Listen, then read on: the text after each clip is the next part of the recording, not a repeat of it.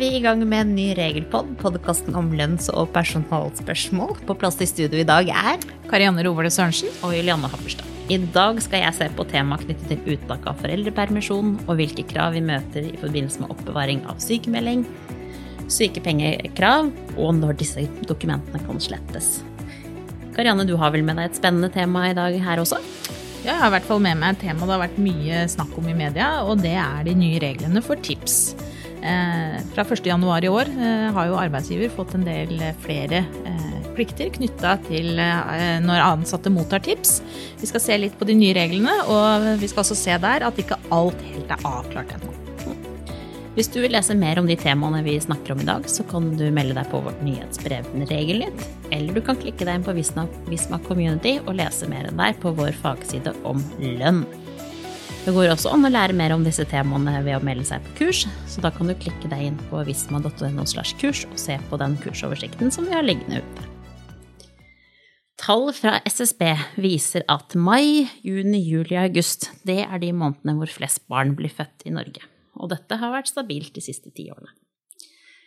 Det spekuleres jo i om det er en tilpasning til dels til den foreldrepengeordningen vi har i dag, hvor alt går ganske enkelt hvis man får barn i disse månedene i forhold til eh, oppstart i barnehage året etter. Mm. Utgangspunktet for foreldrepenge og foreldrepengeperioden er at den løper sammenhengende i 59 eller 49 uker fra permisjonsstart.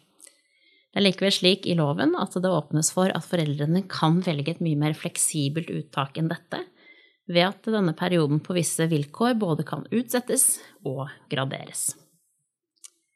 Nytt fra nå i 2019 er at arbeidsgiver skal rapportere avtaler om sånn utsetting, heltidsarbeid, gradert arbeid eller periode med lovbestemt ferie. Det skal man rapportere på inntektsmeldingen.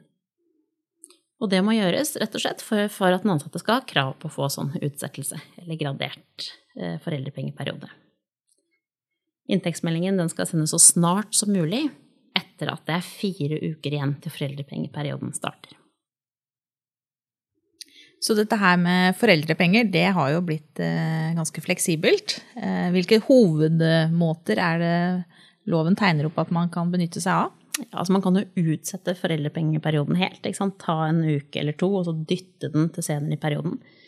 Eller så kan man jo strekke den i tid ved at man kombinerer det å jobbe med det å ta eh, foreldrepenger. Mm. For å kunne, Vi kan starte med det å se på hvordan man, når man utsetter uttaket sitt da, og foreldrepenger. Og det kan man gjøre enten ved at man avvikler lovbestemt ferie, at man jobber på heltid, eller at man pga. sykdom eller skade er helt nødvendig for å ha hjelp til å ta seg av barnet. Det er også noen tilfeller hvor man kan få utsettelse dersom forelderen foreldren eller barn er innlagt i helseinstitusjon. Av disse her så er det jo kanskje det med ferie og permisjon som, som, kanskje er eh, det vi får mest spørsmål om. Ja, vi får mange gode forslag om hvordan man skal gjøre dette knyttet til ferie. ja, mange som er kreative. Ja, veldig. Ja. Um, og det er jo muligheter for stor kreativitet her eh, fra arbeidstakersiden, og så skal jo arbeidsgiver være enig, da. Eh, og når det gjelder utsettelse av stønadsperioden pga. ferie, så er det presisert i loven at det er kun lovbestemt ferie, altså fire uker og én dag da, som hovedregel, som kan eh, være grunn for utsettelse av foreldrepengeperioden. Eh, Nav legger til grunn det arbeidsgiver opplyser, så hvis arbeidsgiver sier at ja, om det gir en ferieperiode som lovbestemt ferie, så, legger, så aksepterer de det. Mm. En annen ganske vanlig måte å bruke og på en måte utøve fleksibilitet på, da, det er å utsette foreldrepengeperioden sin pga. arbeid, altså heltidsarbeid.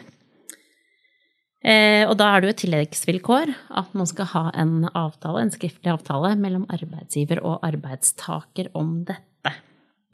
Og kravet til jobb på heltid. Det betyr jo også at det er jo kun arbeidstakere som jobber i 100% stilling, som kan benytte seg av dette, denne utsettelses Eh, eh, utsettelsesvarianten.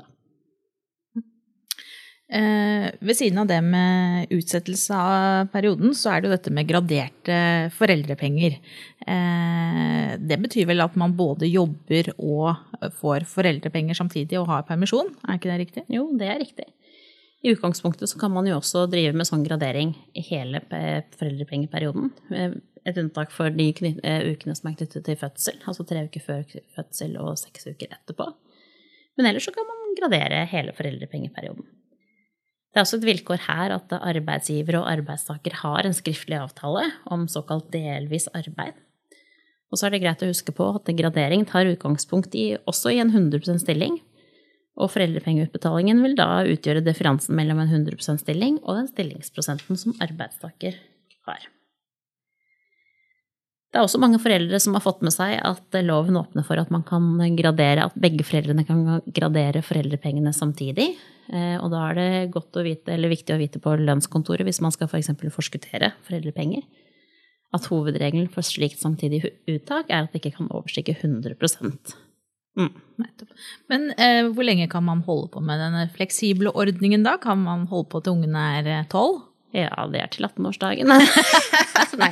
Eh, nå tuller vi selvfølgelig. I loven, så er dette i kapittel 14 i folketrygdloven, så angir man på en måte en ytre ramme da, for denne fleksibiliteten. Og det er dagen før tre år etter fødselen. Mm. Så ca. i tre til tre, frem til treårsdagen til barnet. Og helt uavhengig av hva man har drevet med i forkant av det her, altså så lenge man har på en måte drevet med lovlig gradering og utsetting, så hvis man har igjen noe da, når denne treårsdagen kommer, da blir de stønadsdagene borte. Mm. Ja, det var det jeg tenkte å si om foreldrepenger. Jeg tenker jo Det er et tema som kommer opp mye nå eh, fremover, og hvor det mm. også er greit å ta inn over seg at det er den nye digitale inntektsmeldingen som skal benyttes. Eh, og at man må huske på å ta med opplysninger om disse avtalene eventuelt knyttet til fleksibilitet. Du har jo med deg et eh, ganske eh, spennende tema Enkelt med tips. Ja. Mm. Eh, ja. Da bytter vi jo litt tema og snakker om eh, tips, eller driks, eller drikkepenger, da, som de ansatte får. Eh, F.eks. serveringspersonalet. Og de arbeidsgiverpliktene som har trådt inn i forhold til den type ytelser fra nå i, i januar 2019. Eh, nå er det jo sånn at Hvis man som arbeidsgiver har ansatte som mottar tips, så er det arbeidsgiver som plikter å beregne forskuddstrekket, eh, beregne og innbetale arbeidsgiveravgiften og rapportere hver enkelt ansatts andel av tipsen i anmeldingen. Eh, at tips er skattepliktig inntekt for den som mottar det, det har det aldri vært noe uenighet om. Eh, men med unntak for prosentlønnet personale, så har arbeidsgiver ikke hatt plikten til å beregne forskuddstrekk, eh, sånn som man har for andre skattepliktige ytelser i arbeidsforholdet. Det har før vært opp til arbeidstakerne sjøl å legge tipsen til inntekten sin på skattemeldingen. Dette har nok eh, i liten grad vært gjort, eh, og det er jo også en av årsakene til at reglene fra i år er endret. Det er eh, en del spørsmål som har kommet opp i, kjølvannet av denne regelendringen. Men det er også noen ting som vi ikke er i tvil om da. Og det er jo for det første at har arbeidsgiveransatte som mottar tips, så plikter arbeidsgiver å ha oversikt over de ansattes tips og beregne forskuddstrekk og arbeidsgiveravgift. Det er heller ikke tvil da, om at de skal rapportere denne tipsen i avmeldingen. Og når man rapporterer, så rapporteres dette som kontantytelse tips. Det vil jo si at arbeidsgiver nå eh, må ha oversikt over fordelingen av tips mellom de ansatte, og det vil gjelde både tips som gis direkte og etter fordeling fra arbeidsgiver. Vi pleier ofte da å si eh, at eh, tips nå skal behandles som lønn. Ehm, men det er jo ting ved tips da, eh, som kanskje tilsier at det ikke er helt riktig. Eh, så spørsmålet vil jo ofte være, da, er tips lønn, altså avtalt lønn fra arbeidsgiver, eller skal det anses som en gave? Hmm. Og det er jo ikke Dette har jo vært et spørsmål som det har vært tvist om før, hvis vi kan si det sånn. Ja. Eh, vi har jo en høyesterettsdom som bl.a. er inne på dette temaet. Eh, knyttet til eh, en arbeidsplass eller knyttet til Teaterkafeen, hvor, eh, hvor arbeidsgiver ønsket å pålegge de servitørene som mottok tipsen, å dele det med de andre ansatte. Det var ikke servitørene så interessert i. Og i den dommen, når de høytere skulle vurdere hvorvidt det var innenfor arbeidsgivers styringsrett å, å, bestemme over tipsen, så gjorde man en vurdering av på en måte tipsens karakter. Da. Hva er det egentlig? Og i den dommen så la man jo til grunn at Eh, det ikke er lønnsinntekt fra arbeidsgiver, men at det er en gave fra restaurantens gjester. Mm.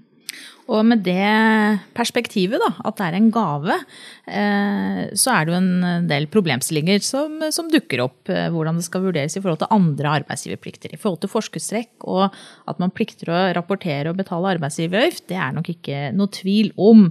Eh, men hvis man sier at dette er en gave fra kundene, at tipsen er gave fra kundene og ikke avtalt lønn, Eh, så har det jo reist en del problemstillinger. Og det som har blitt eh, veldig diskutert i media, eh, det er jo om arbeidsgiver i kraft av styringsretten har adgang til å trekke fra kostnadene til f.eks. arbeidsgiveravgift, innskudd eller premie til OTP, feriepenger og andre administrasjonskostnader i tipsen. Mm. Ja, og det er jo ikke noe enkelt svar på det, tenker jeg enhver vurdering som foretas av eh, hvor langt arbeidsgiver kan gå da, i en sånn ensidig beslutningsmyndighet, det vil jo være basert på en veldig konkret vurdering i det enkelte arbeidsforhold. Eh, og der ser man jo, vi ser jo at Høyesterett tar utgangspunkt gjerne i hva som står eh, om ytelsen i en individuell arbeidsavtale. Det står jo ofte lite om tips der. Men også vil det jo være relevant å se på hvor mye har arbeidsgiver fått lov til å bestemme over tipsen før, bl.a. om tipsdeling, om man har gjort andre fradrag, f.eks. For, for felles sosiale arrangementer og den type ting. Så tenker jeg det at det kommer skatteregler inn som, som på en måte pålegger arbeidsgiver mye kostnader knyttet til dette. Og så kan det jo være et argument som, som tilsier at arbeidsgiver får noe større styringsrett og kan bestemme en del mer ting om tipsen enn det man har kunnet gjøre før. Men til syvende og sist så vil jo dette være et spørsmål det er vanskelig å svare på for alle over én kam. For det vil jo bero på ja, det vi kaller ofte en veldig konkret skjønnsmessig vurdering. Ja. Mm. Når man følger denne saken i media, bl.a. hvordan eh, NHO og Fellesforbundet har gått i skyttergravene på hver sin kant, så kan det jo se ut som eh, de har en, klar oppfatning av hvordan dette skal skjæres over én kam da, for alle. Mm. Eh, men det vil jo ikke alltid kunne være en riktig måte å, å vurdere dette på. Nei. Mm. Eh, Uavhengig på en måte av den diskusjonen der, eh, så er det også en diskusjon rundt feriepenger isolert sett. Om eh, tipsen eh, Om det skal beregnes feriepenger av tips eller ikke. Loven sier jo at feriepenger som utgangspunkt skal beregnes på grunnlag av arbeidsvederlag som er utbetalt i opptjeningsåret. Eh, så utgangspunktet vil nok mange si er at det skal beregnes eh, feriepenger eh, da tips. Og det er nok et utgangspunkt vi også for så vidt er enig i. Mm. Det er jo noen da som hevder at det er en implisitt forutsetning i ferieloven at det er, at det er arbeidsvederlag gitt av arbeidsgiver. Eh, og, og, det er jo et, et argument eh, og en vurdering eh, som på en måte ikke har kommet på spissen på samme måte før. Vi er litt usikre på eh, hvor langt den argumentasjonen eh, strekker. Eh, men vi vil vel si at på nåværende tidspunkt så er ikke dette i forhold til feriepenger og tips et avklart spørsmål. Vi håper jo at noen vil sette ned foten og si hvordan de mener dette skal gjøres, for å forenkle arbeidsgivers vurderinger også. Eh, de fleste arbeidsgivere vil jo gjøre dette riktig. Eh, men akkurat nå så er nok dette et spørsmål som ikke er avklart. Mm. Men her tenker jeg vi kanskje kan få litt hjelp fra myndighetenes side. Ja, Hvordan vi skal forstå ferieloven. Absolutt. ja. Mm. Og litt sånn baluba i media hjelper jo ofte også litt i den type eh, diskusjoner. Ja, mm. absolutt. Mm. Eh, jeg har med meg et tema til. Eh, og det handler om behandling av personopplysninger. I 2018 så var det jo veldig mye snakk om behandling av personopplysninger, og hvilke opplysninger vi hadde om, ansatte som skulle beholdes, og hva som skulle slettes, og hvor lenge man kunne oppbevare ting, og hvor lenge man var pliktig til å oppbevare ting. Og en av de dokumentene som vi har fått veldig mye spørsmål om inn til oss da, på regelsupporten vår, det har jo vært knyttet til oppbevaring av eh, opplysninger knyttet til sykdom, og da gjerne knyttet til krav om refusjon av sykepenger. Eh, det er jo sånn at En arbeidsgiver kan jo bare lagre opplysninger så lenge det er nødvendig. Det skal jo slettes etter det. Eh, og så har vi jo da på den andre siden så har vi jo regler i, om oppbevaringsplikt i regnskapslovgivningen. Mm. Eh, det var noe uklart hvor lenge man tenkte seg. Det står ikke noe om syke, krav om sykepenger direkte i regnskapsloven eller i bokføringsloven. Sånn at eh, det var litt uklart om det var tre år og seks måneder eller fem, fem år. Men i slutten av november så fikk vi en prinsipputtalelse fra skattemyndighetene Eh, hvor det blir lagt til grunn at eh, den form for dokumenter knyttet til refusjon av sykepenger og krav om sykepenger, det utgjør dokumentasjon for bokførte opplysninger og skal oppbevares i fem år etter regnskapsårets slutt. Så der har vi rett og slett fått en avklaring på et spørsmål mange arbeidsgivere har lurt på, da. Ja, absolutt. Ja. og det er fint. Det er veldig bra. Mm. Dette betyr jo sant, at hvis en arbeidstaker slutter i virksomheten, da vil man jo mange bedrifter gå gjennom ansattmappen og slette absolutt mest mulig. Eh, men denne form for dokumenter kan jo da ikke slettes, selv om den ansatte slutter. Da skal jo det oppbevares i virksomheten. Ja, den nye digitale inntektsmeldingen det jo, eh, har jo utløst en rekke spennende spørsmål og problemstillinger. Absolutt. Vi får mye konkrete, gode spørsmål om eh, egentlig daglig, vil jeg si, inn på regel, regelsupporten og når vi holder kurs. Derfor så er det et tema som vi skal ha med oss når vi skal ut og holde lønnsforum vår. Absolutt et viktig tema å mm. snakke om den våren her. Eh, I tillegg så skal vi jo snakke litt om eh, rabatter. Eh, rabatter i arbeidsforhold, både gitt av arbeidsgiver og av såkalt tredjeparter. Rabatter den ansatte får av andre enn arbeidsgiver. Det har også vært et ofte stilt spørsmål på vår support nå. Eh, vi skal selvfølgelig også snakke om feriepenger, siden det er vår. Det må vi snakke om. Mm, mange som skal kjøre feriepenger i mai og juni, eh, som trenger en liten eh, ja.